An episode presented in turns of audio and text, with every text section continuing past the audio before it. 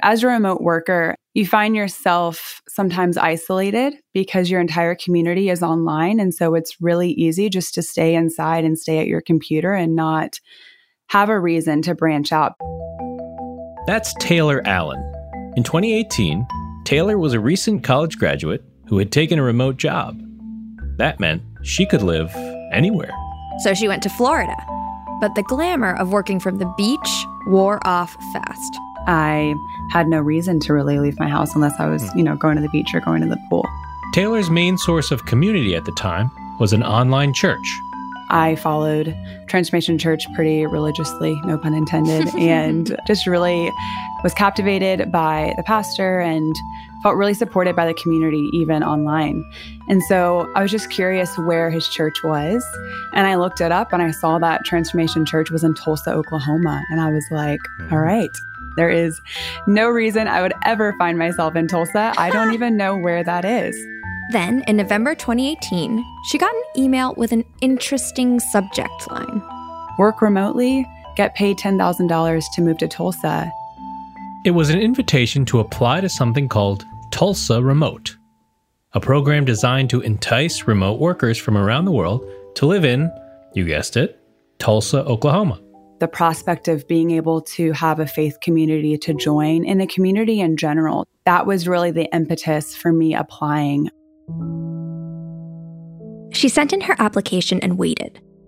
And then, one day, I remember exactly where I was. I was at a restaurant with my mom and my stepdad, and I got an email from Tulsa Remote, and I was like, oh my gosh, I'm hearing back. And the email said, we have been overwhelmed with the response. We've gotten over 10,000 applications. We weren't expecting that, but we want to invite you to interview.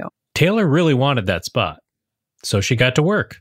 I'd really done my research about Tulsa and the organizations, NGOs, initiatives here that really spoke to my interests and my passions in ways that I could give back and be connected here if I were to make Tulsa home. She was accepted, and one short month later, she was moving. I moved sight unseen, so I'd never been to Tulsa. Without ever visiting. Mm-hmm. Wow. Without ever visiting. Yeah. So I was number four to ever move with Tulsa Remote. So I was wow. early, early guinea pig. Wow. And that forced me to really connect with the community and local Tulsans.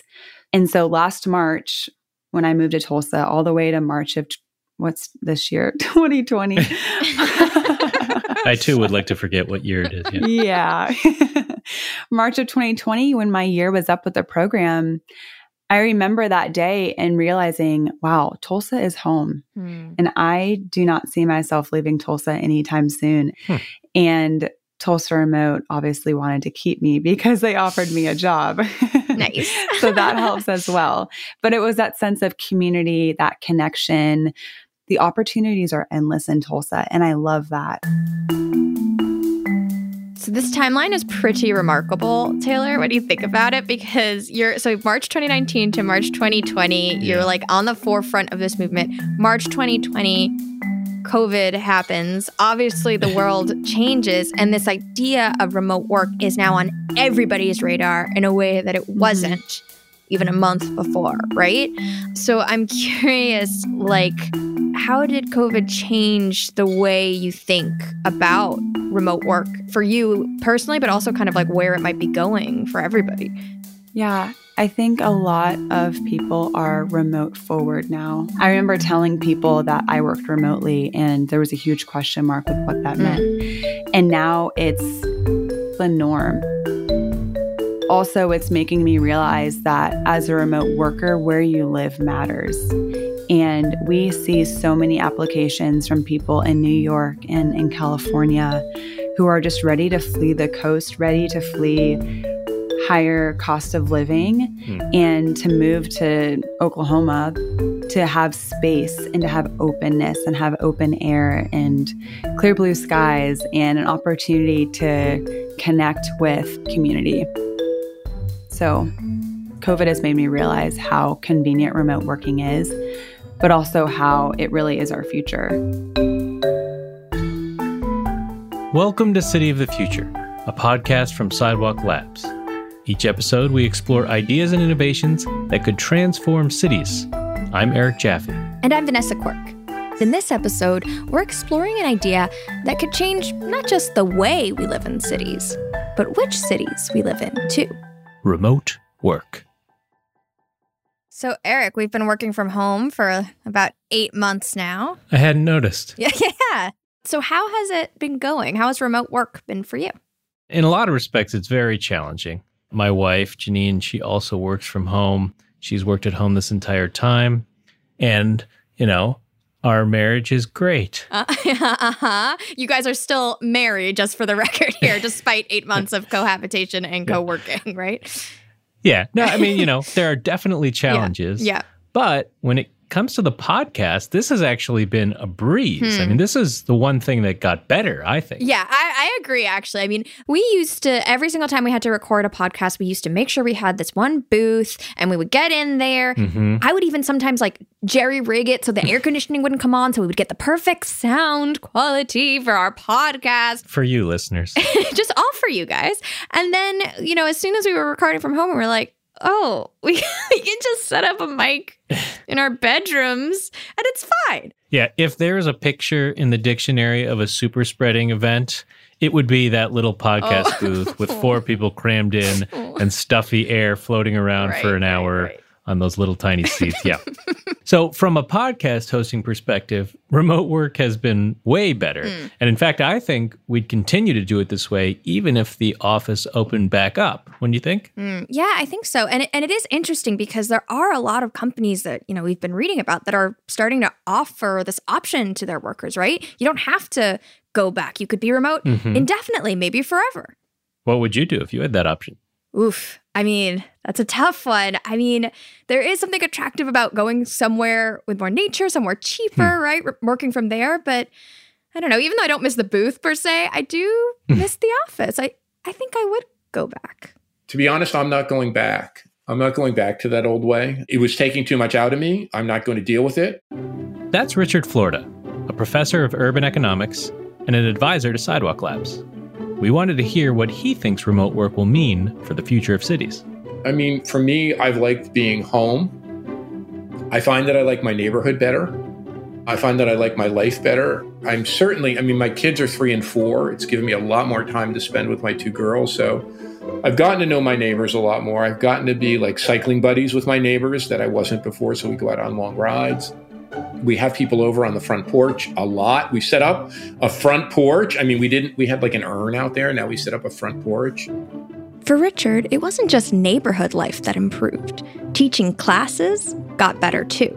I taught my course online. So I was able to bring in people from all over the world uh, mayors, urban economic developers, people from technology companies.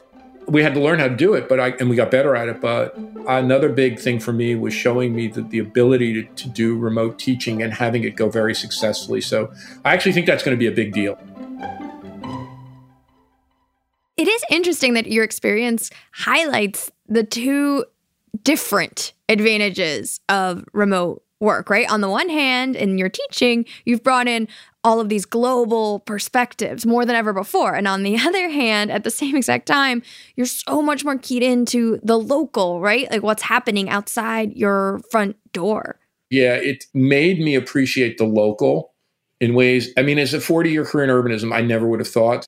But the other thing is, my neighborhood was a commuter neighborhood for knowledge workers, for corporate people, which means as a remote worker and a professor and writer, I was the only man, adult man in the neighborhood during the day. And I really felt like a freaking oddball. now, we, there are a lot of guys my age in the neighborhood all the time, like out with their kids or out hanging around or going to the park. So it, it sounds like the daytime population of your neighborhood has gone up dramatically. But do you have a sense of what the, the daytime population's now like in the commercial districts of Toronto, in those corporate knowledge sector places that uh, the folks you live around aren't going to anymore? It's terrible. Um, there's not many people down there. And, you know, I, I had thought more of those buildings were residential, and they're not. They, they are still office work. So I think personally, the Central Business District is a historical relic. During the Industrial Revolution, beginning with manufacturing, we separated work from life. You know, people used to work where they live if they were Right. artisans or producers, live above their shop. And then as we added transportation innovations like subways and trains and transit. People started to commute more and more, not just to factories, but to offices. And we developed these giant commercial towers and stack and pack knowledge workers. I just think a lot of that's going away. And I think this shift to virtual or remote work is a big part of it. Richard told us that this forced experiment in remote work has hastened a process that was already in motion, not just for individuals, but for cities too. The future of economic development is talent. There is now no other economic development strategy. And you know, I'm talking to economic developers all the time, and it's like light bulbs are going off in their head. Hmm. If you want to talk about the new economic development or the new city competition, it's been this shift away from the power of firms to the power of talent. And I think that, especially in an era of remote work, the location of talent will be ever more important. And cities will, and communities and suburbs and rural areas, the terms of the competition will be about competing for talent, competing for workforce, competing for people, competing for remote work. So the big question is in an era where every city must now compete for remote workers, what can cities do to attract them? There is a place that has a really compelling answer to this question Estonia. Believe it or not, the small Baltic nation of Estonia is one of the most digitally enabled countries in the world. For years, I'd been reading about its remarkable transformation, and in the summer of 2019, I decided to go see it for myself. And although I went before COVID, Estonia has only become more relevant in a post pandemic remote world. But I'm getting ahead of myself. Let's go back to 2019, back to when traveling was still a thing. Ladies and gentlemen, welcome to The first stop on my journey was to the E Estonia Briefing Center in the capital city of Tallinn. That's where I met Anett Numa. So, my name is Anett, and I work in E Estonia Briefing Center as a speaker. Anett explained that to understand how Estonia got to where it is today, you have to go back to 1991, back to when the Soviet Union collapsed and Estonia gained its independence. It was very easy for us to build everything from a very scratch. So as we didn't have any kind of system uh, here yet when we regained independence, and luckily Estonia had a very young government, and our prime minister was in his 30s at time. And then he said, "Okay, but what about technology? Maybe technology is just able to help us." The advent of the internet was very exciting to Estonia in the 90s, especially because it emerged just as this young country was building its government from scratch. The first service that they put online was taxes. At 1999, we have done that online, and it just takes us like one or maximum two minutes. Estonia didn't stop there. They wanted every single government service to be accessible online. And to make it work, they issued a mandatory ID card for every Estonian citizen. It's like a driver's license, a library card, a health insurance card, a coffee shop loyalty card, all rolled into one. You can even use it to vote online, wherever you are. The last time when we had elections, I was having my vacation in Maldives, oh, in a paradise island. Yeah. And I was just lying on a beach. I grabbed my laptop. We had internet connection there, and I voted for the candidate I wanted to. And have you found that the fact that you are so digitally enabled has that also convinced Estonians to stay and not necessarily leave the country? I used to live in France. I did my master's studies there. And, and the reason why I'm back here in Estonia is not the weather. Right. so, I mean, it's, it's, it's raining and it's cold. and I was, I was living in a, in a beautiful French city. The reason why I came back was one, like 100% the ease of life. And that's not the only one. While I was there, I met another Estonian who had just returned home. I just moved back from US a few years ago. That's Sten Tamkivi. He's the chief product officer at a company called Topia, a startup that helps companies manage their global workforce. He was thinking about the question of how to compete for workers years before COVID was on anyone's radar. We are in a world where every single government, would it be every single city or every single country, is competing for every single citizen. The only difference is do they know that and are they doing something about that or not? And to Sten, ease of life that's Estonia's competitive advantage for attracting remote workers who can choose to live anywhere. The top talent in the world in any field is free to choose where they live and work and what do they do they do with their life? Where where are they happy and fulfilled and make most of the potential?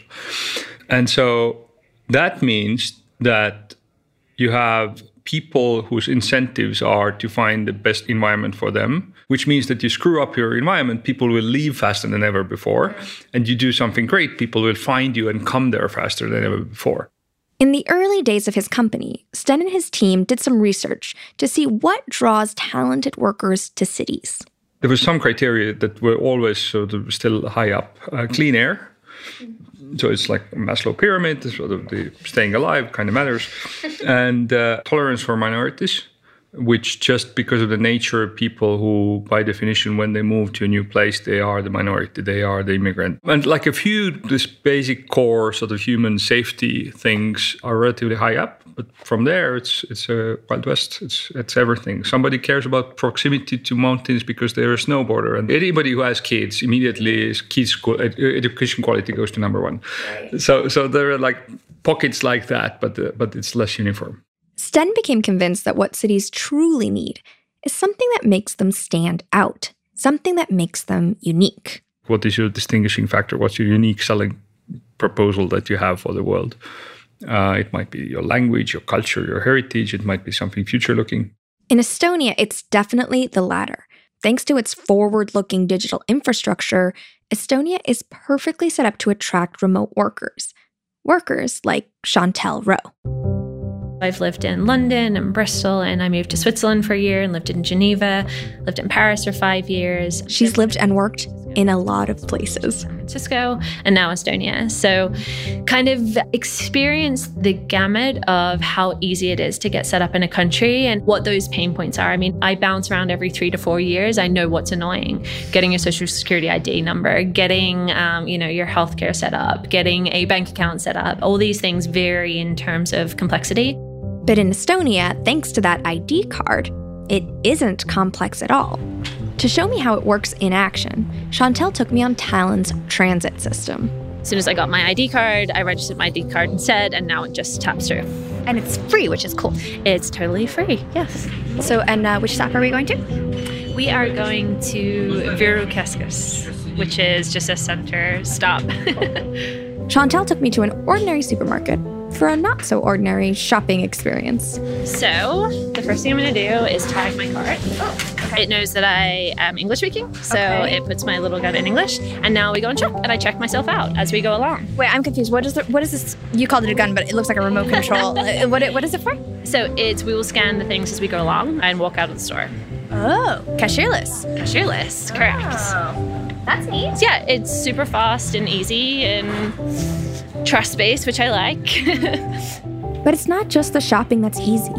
Thanks to that ID card, Chantel has access to everything. It's all easy. So, having this identity that ties to just me, I'm a person who lives in Estonia, has made everything easier to get access to. It's been an incredibly easy transition.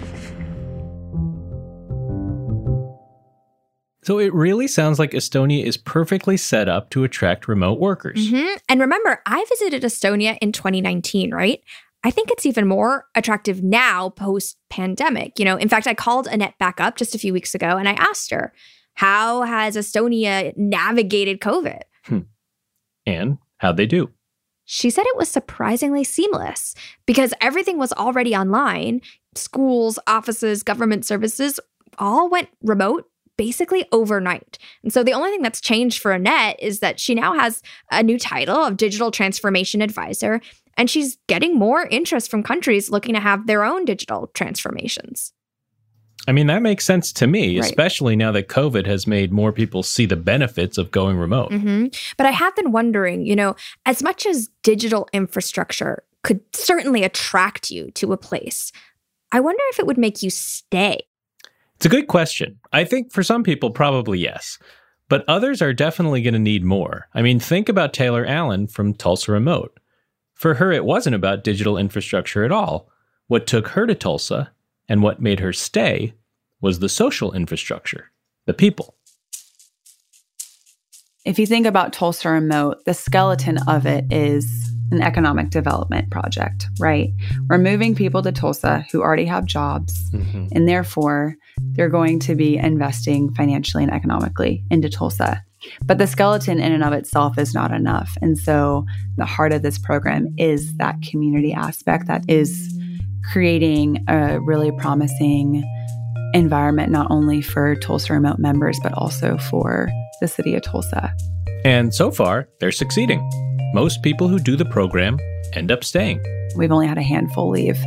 We've invited 320 people to move to Tulsa or seen that many move so far, and we just keep growing. It's exciting.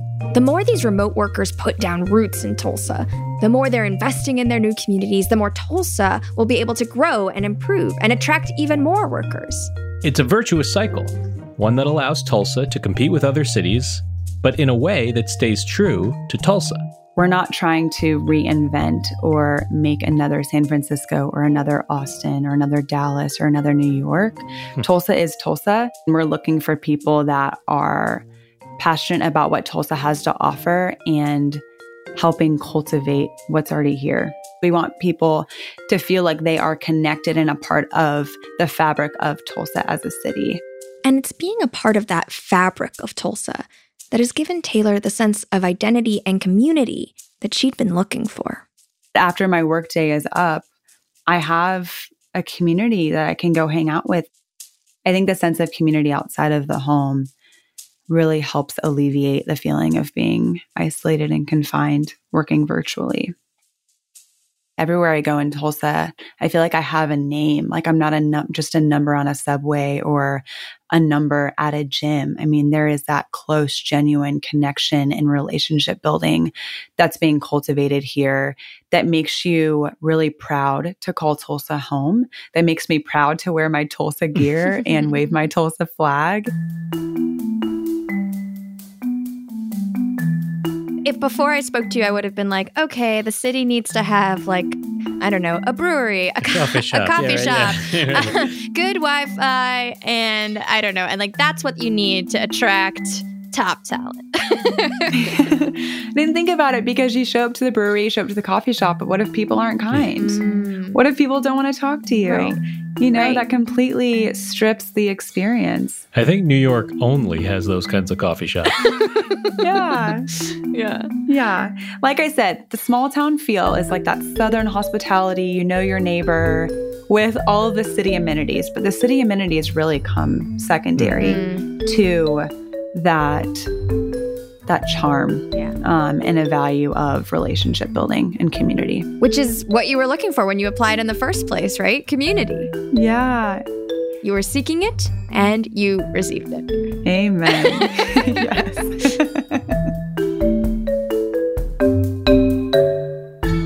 Thank you for listening to City of the Future, a podcast from Sidewalk Labs. Your hosts are Vanessa Quirk and me, Eric Jaffe. We are produced by Benjamin Walker and Andrew Calloway. Mixed by Zach McNeese. Special thanks to Taylor Allen, Richard Florida, Anett Numa, Sten Tamkivi, and Chantel Rowe. Our art is by the great Tim Cow. Our music is composed by Adam James Levine Arity. If you want to hear more of Adam's work, you can check out his band, Lost Amsterdam, at amsterdamlost.com. To learn more about Sidewalk Labs, visit our website at sidewalklabs.com, where you can subscribe to our newsletter at the bottom of the page. And you can also follow us on Instagram at City of the Future Pod. A quick note to our listeners our next episode will come out not in two weeks, but in three on November 20th. So make sure you're subscribed to City of the Future, and you'll see that episode pop up in your feed. See you in the future.